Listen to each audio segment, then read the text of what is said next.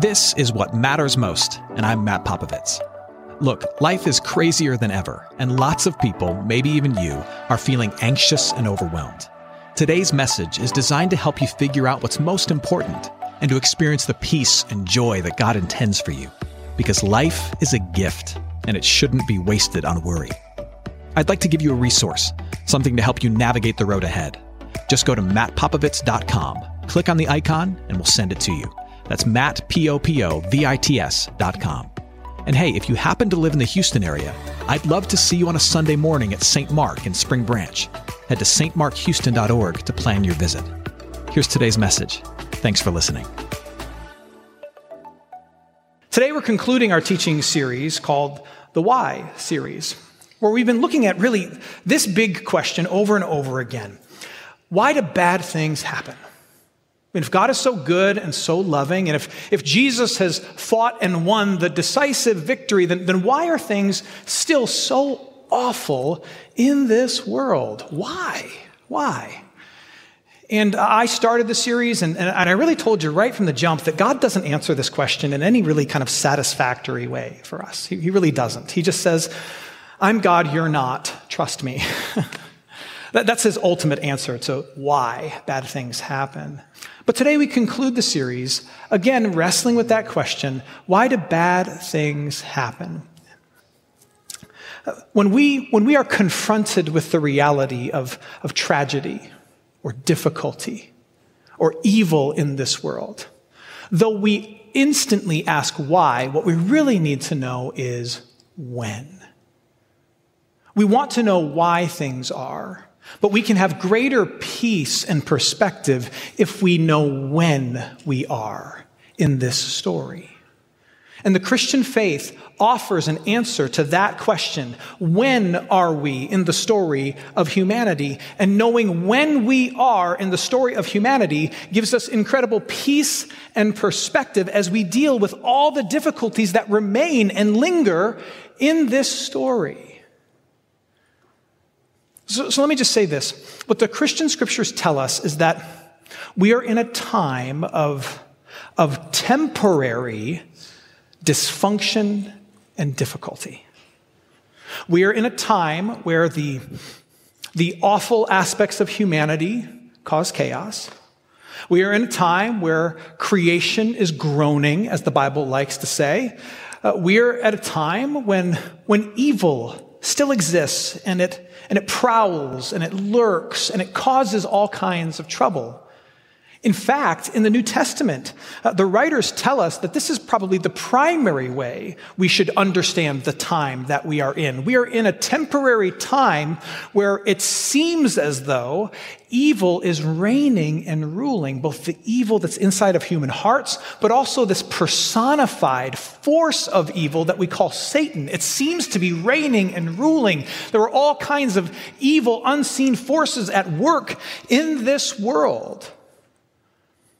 The Apostle Paul puts it like this in the letter he wrote to the Ephesian church. He's trying to help them understand why things were so difficult and who the real battle was with.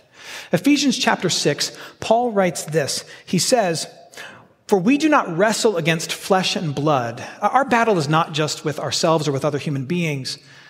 But our battle is against the rulers, against the authorities, against the cosmic powers over this present darkness, against the spiritual forces of evil in the heavenly places. Paul says we live in a time of temporary difficulty and dysfunction where there are cosmic powers, spiritual forces in this present darkness. And then in Peter's letter, Peter's first letter, deep in the New Testament, Peter says this. He says to the church, a church facing persecution and difficulty, he says, Be sober minded, be watchful. Here's the key your adversary, the devil, prowls around like a roaring lion, seeking someone to devour. We live in a temporary time of dysfunction and difficulty where evil lurks and stirs and causes so much of the problems that we face. Uh, the Bible is, is clear about this. God is clear about this through His Word. There are evil, unseen forces in this world, not to mention just the fact that you've got sin and your neighbor's got sin and you guys make the world an awful place and I help make the world an awful place. There are all these other powers stirring and working in this world and they are what's causing, we are what's causing, all together, we are causing the trouble and the difficulty and the hardship that we face in this temporary time. But the key word is temporary. This age of dysfunction and difficulty, it will come to an end. That's when we are in the story. It's, it's difficult and dysfunctional now, but as we move further in the timeline, the difficulty and dysfunction will end. It will end when Christ returns and finishes the work that he started in his death and resurrection. He finishes the work of making all things brand new. And that day is coming. This time is temporary, and a new day is coming. Peter continues in his letter to the persecuted church, reminding them of that. Again, he's helping them tell the time. Remember when we are, friends. After you have suffered a little while, the God of all grace, who has called you to his eternal glory in Christ, will himself restore, confirm, strengthen, and establish you. God is going to bring about a day where he makes all the wrong right for us. To him be the dominion forever and ever. So notice Peter says that right now Satan prowls like a lion seeking to devour, and it seems like he is the ruler because he's prowling and devouring and causing all kinds of trouble, not to mention the trouble we cause. But to him, to Jesus, will belong the dominion and the ruling forever. That's how this story ends. That's when we are. That's what's happening. That's the time that it is right now. There will be some struggle, but God will not let the difficulty and the dysfunction win. Christ will return and he will make all things new. What time is it? We are waiting for Christ. And while we wait, it can be really, really tough. That's the time. So then the question becomes well, if, if the reason there is difficulty right now is because we live in this time where, where evil stirs and lurks around us and also within us, making it a difficult and awful time, uh, what does it mean for us to wait well? What are we supposed to do while we wait for Christ to return and fix all things, while we wait for the time to change to the very end? What are we supposed to do with this world that is full of difficulty and dysfunction? Well, Paul and Peter both go there, and they give some very clear instruction to people of faith who are waiting for all things to be made right and be made new. Paul in Ephesians famously talks about a suit of armor. He's using an analogy. He's saying, Look, the world is crazy. It's not always going to be like this. But this is the time we live in now. The world is crazy, and what you need is to understand that you are wrapped in armor and embrace it. And he talks about helmets of salvation and, and breastplates of righteousness and shoes of peace. And what he's saying is, you are covered in all of this work of God through Jesus Christ. And the work of Jesus Christ wraps around you and protects you. Don't you know that you're safe and protected? Believe that. It's all crazy around you, but it's not going to destroy you. You are covered in righteousness and salvation and peace. And you've been given the word of God, which can distinguish all the lies. You are gonna be fine. It's awful, but you're gonna be fine. You are wrapped in armor. Stand firm. Stand firm. But then he and Peter also say, while you're standing firm, resisting the evil, pray. That's what you do. You could say it like this What do we do while we wait for the time to change? Well, we resist the evil and stand firm, and we reach out to God. Resist and reach out. The, the encouragement that we're given is to create a constant dialogue as we live in this difficult time with the divine. When the New Testament talks about prayer, it, it really knows nothing of what kind of modern Western people conceive of when we pray, because we often compartmentalize our prayer to, to specific times of day or particular places like church. In the New Testament, really throughout the whole of Scripture, prayer is this constant inner and sometimes outer dialogue you have with God as you encounter the difficulties of life. Peter would go on to say, Cast all of your anxieties in this difficult time onto the Lord. Literally, take them in your hand and like throw them at God with your heart and with your voice. Throw them at Him. This world is awful and it makes me anxious. Throw that at God. I've lost a loved one and I miss him dearly. Throw that at God. My body is breaking down and it's not getting better. Throw that at God. My family is fighting and they can't figure it out and I'm in the middle. Throw that at God. Every time I turn on the news, something terrible has happened. Throw that at God. Cast all your anxieties on Him. A constant dialogue as you're driving, as you're walking, as you're texting somebody else, inside and sometimes outside. Just, Lord, take this. This is awful. Take this. Help me to stand firm. Help me to stand firm. And trust that He will. He will help you to stand firm. He will not let this temporary time defeat you. Are you a preacher or a teacher? It's me, Matt, and I'm so grateful that you're listening. I want to invite you to VoxCon, a conference for preachers and teachers like us that I'm hosting September 21st through the 22nd right here in Houston. VoxCon is a chance for us to refine our craft and elevate our skills as we learn from some of the country's top artists and communicators.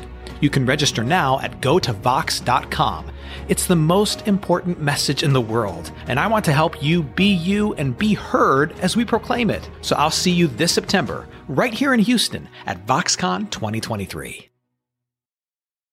Well, then, what does it look like to stand firm while I'm praying? What does it look like to resist evil? Well, now, this, this is kind of a loaded question, but, but I'll just say this. I'll say, I think resisting evil looks like primarily an understanding of the power that evil doesn't have.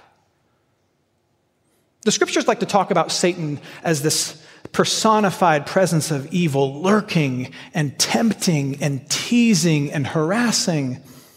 And Satan doesn't seem to know that, that he doesn't have much power other than the power we would choose to give him. Evil is real. But it only has power that we, as human beings, choose to give it, which is why the primary tool of, of evil, the primary resource of the devil, is, is not to force you to do anything, but to tempt you and coerce you to do things, to believe a lie, to partner with darkness, to indulge in something awful. And so, a big part of resisting evil in this time that we find ourselves in is understanding that evil exists and it is constantly trying to lure you and pull you into that which, into that which grieves the heart of God, into that which demeans or harms your neighbor, into that which destroys or harms you. It's constantly pulling, luring, tempting. And it's your task to resist and to say, I will not give it the power that it wants. Now, when I look at the landscape of our particular moment in this time, I see, from my kind of pastoral sensibilities, I see that there are three major kind of movements or attitudes that people of faith in particular should be seeking, actively seeking and aiming to resist in this world. Satan prowls like a roaring lion, doing at least three things in our day and age things that resonate with our broken, sinful hearts. And the first is this it prowls like a roaring lion, telling you that it is right for you to selfishly indulge anything you want. We live in a time that says if you want it, if you desire it, if you feel it, you can do it. Virtually, it seems, whatever it is, and whatever rationalization you want to give to it to do that thing, that rationalization holds up in the eyes of the world. Go for it, have at it. And it's all done in the name of freedom. Be free. indulge yourself. And we take that on, down all kinds of different roads. But remember, for, for people of faith, freedom is not doing anything you want. Freedom is finding the right things. It is finding the right things that actually set you free to flourish. The second thing for us to be wary of is that we live in a day and age that is luring us and calling us to hatred and contempt that is telling us that because you have the moral high ground in your mind, it is okay for you to have contempt for somebody else, to look down on them. And it is okay for you to hate other people. You can see someone who lives differently than you, and you can say, Well, I have the moral high ground. I live a better life or, or, or more right and pure life. And so I can look down on them and the way that they live and who they are, and I can have contempt for them, or I can think less of them. I can speak poorly of them to other people. We see this often played out politically. Uh, I'm a Democrat and I'm morally superior, and so I can look at the, the radical right, everyone who's a Republican, and I can say, well, it's okay for me to have contempt for them because they're the real bad guys causing all this evil in this world, and I can hate on them because they're doing all this harmful stuff in the world. It's okay for me to have contempt and hatred in my heart towards them. Never mind the fact that Jesus says if you hate somebody in your heart, you're guilty of murder. Forget that. I'm free to hate them. Or, you know what? I'm a Republican and I believe all the right things. And my cousin, who's on the far left, just an extremist, it's okay for me to have contempt for her, to hate her, to look down on her, to say terrible things about her, despite being related to her. I have the moral high ground. And this gets played out in all kinds of ways. We are being lured into contempt and hatred. The other thing we're being lured into by Satan, who prowls like a roaring lion, is deep and unshakable despair.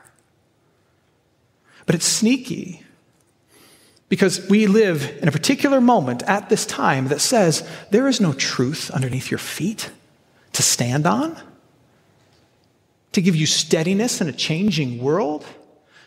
And there is no God above you to, to, to, hold you accountable, to let, alone, let alone bless you and guide you. You are utterly on your own, floating out into space. You, you are on your own. And I'll tell you what, when you are lured into believing that there is no truth beneath your feet and no God above you to bless you, you might think, you might be told that that leads you to freedom where it ends is deep and dark despair. I cannot make sense of the world. I have no control of the world. There is no meaning in this world. There is no help in this world. So I just end up feeling crushed by the weight of the world. These are things that we are being pulled into, and I know you see it. Indulge it, do it, whatever it is. Hate them. It's okay. You have the high ground. We are called to resist these things, to press against these things and to say, No, I will not buy into the lie of these things, and to reach out to God who will give us strength in the face of these things. And He will remind us that this day and age where we battle such things is ultimately temporary.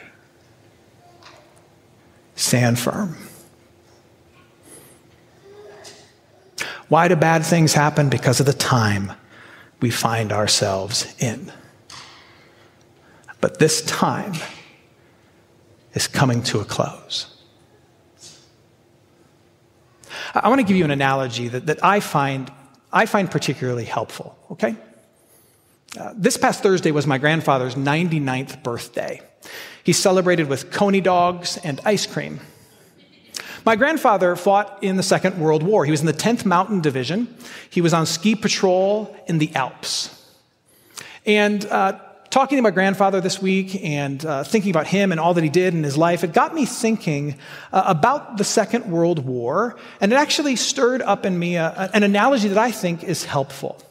For the history buffs in the room, tell me, what, what happened on June 6th, 1944? What happened on June 6th, 1944? Do you know? D Day, that's right. That's the day that 130,000 Allied troops stormed the beaches of Normandy. And it was the decisive battle of the war. It was, it was brutal, it was awful, it, but ultimately, it was victorious. And it turned the tide of the war. And from that moment on, from that moment on, everyone knew the outcome of the war. One time, my grandfather even told me, we were talking about his war experience. He said, after D Day, everybody had hope. After D Day, everybody had hope because the decisive battle had been fought and won, and everybody knew it was just a matter of time before the enemy put down his weapons. And it was over. Now, Victory in Europe Day happened in May of 1945. Victory in Europe Day being the day that, that Germany offered an unconditional surrender and the war actually completely ended, apart from the war in the Pacific, which went on for another couple of months. But the heart of the war in Europe was done. VE Day. Now, how much time went, went on between the decisive battle and the ultimate victory? I'll tell you 336 days. The battle continued for 336 days. The war was functionally over. And yet there were still fighting for 336 days. There were still lives lost for 336 days. There were still tragedies occurring for 336 days. For 336 days, the time between the decisive battle and the ultimate victory, it was awful. It was difficult. There was still a war, even though the war was functionally over. And everybody knew the ending, and hearts were filled with hope. Now, what does that have to do with you and me? I'll tell you what. What time is it? We live in those 336 days. That's where we live. Jesus Christ has fought the decisive battle in living and dying, and he is victorious in his rising. He has confronted sin, death, the devil, all that's evil in this world. He's confronted it, he's given his life for it, and he's risen to show that he has conquered all of it. The decisive battle has been fought and won. Victory is ours. We know that because of what Jesus Christ has accomplished. And yet, yet, we are still waiting for the day when the eternal ticker tape parade happens. We are still waiting for the day when Jesus Christ returns and brings about in full the implications of his victory. We are waiting for the day when the enemy puts down his weapons for good. We are waiting for the day when there's no more fighting, no more death, nothing awful. And that day, this day, is guaranteed because this day has happened. But in between, the enemy still thinks as deceived as he is, that he has a shot. And so he still prowls and teases and torments. And evil is still a reality. Battles are still fought. Terrible things still happen. We must be diligent and vigilant in the time between, even as our hearts are filled with hope. Why do bad things happen? Because this right here, this is the time. We live in between. But here's how we stand firm in the time in between we put one hand on the battle that's been fought and won in the life, death, and resurrection in Jesus. And we place our other hand on his second coming and his return and the day of total and complete victory. And we hold tight to those two things. And a funny thing happens when you hold tight to two things on either side. You can stand firm no matter what happens underneath your feet. So the ground is still going to shake. Tanks are going to roll. Battles are going to be fought. But you can stand firm because you hold tight to the victory that's been won and the celebration to come. What time is it? We are in the middle, but we are holding on to two things that cannot be taken from us that make the ground sure and steady for us. Do you know what time it is? It's important to know how to tell the time so you can flourish as an adult, so you can have peace and perspective. You have to know when we are. And when you know when we are, it quiets so much of the anxiety caused and stirred by not knowing why things are the way they are. The battle has been won. The ground is shaky, but the celebration starts soon. Hey, it's Matt. I hope you enjoyed what matters most. Here's what I need you to know life is a gift, and it shouldn't be wasted on worry. I want to help you figure out what's most important and to experience the peace and joy that God intends for you. So, for more content, you can head to mattpopovits.com. That's Matt, P O P O V I T S.com.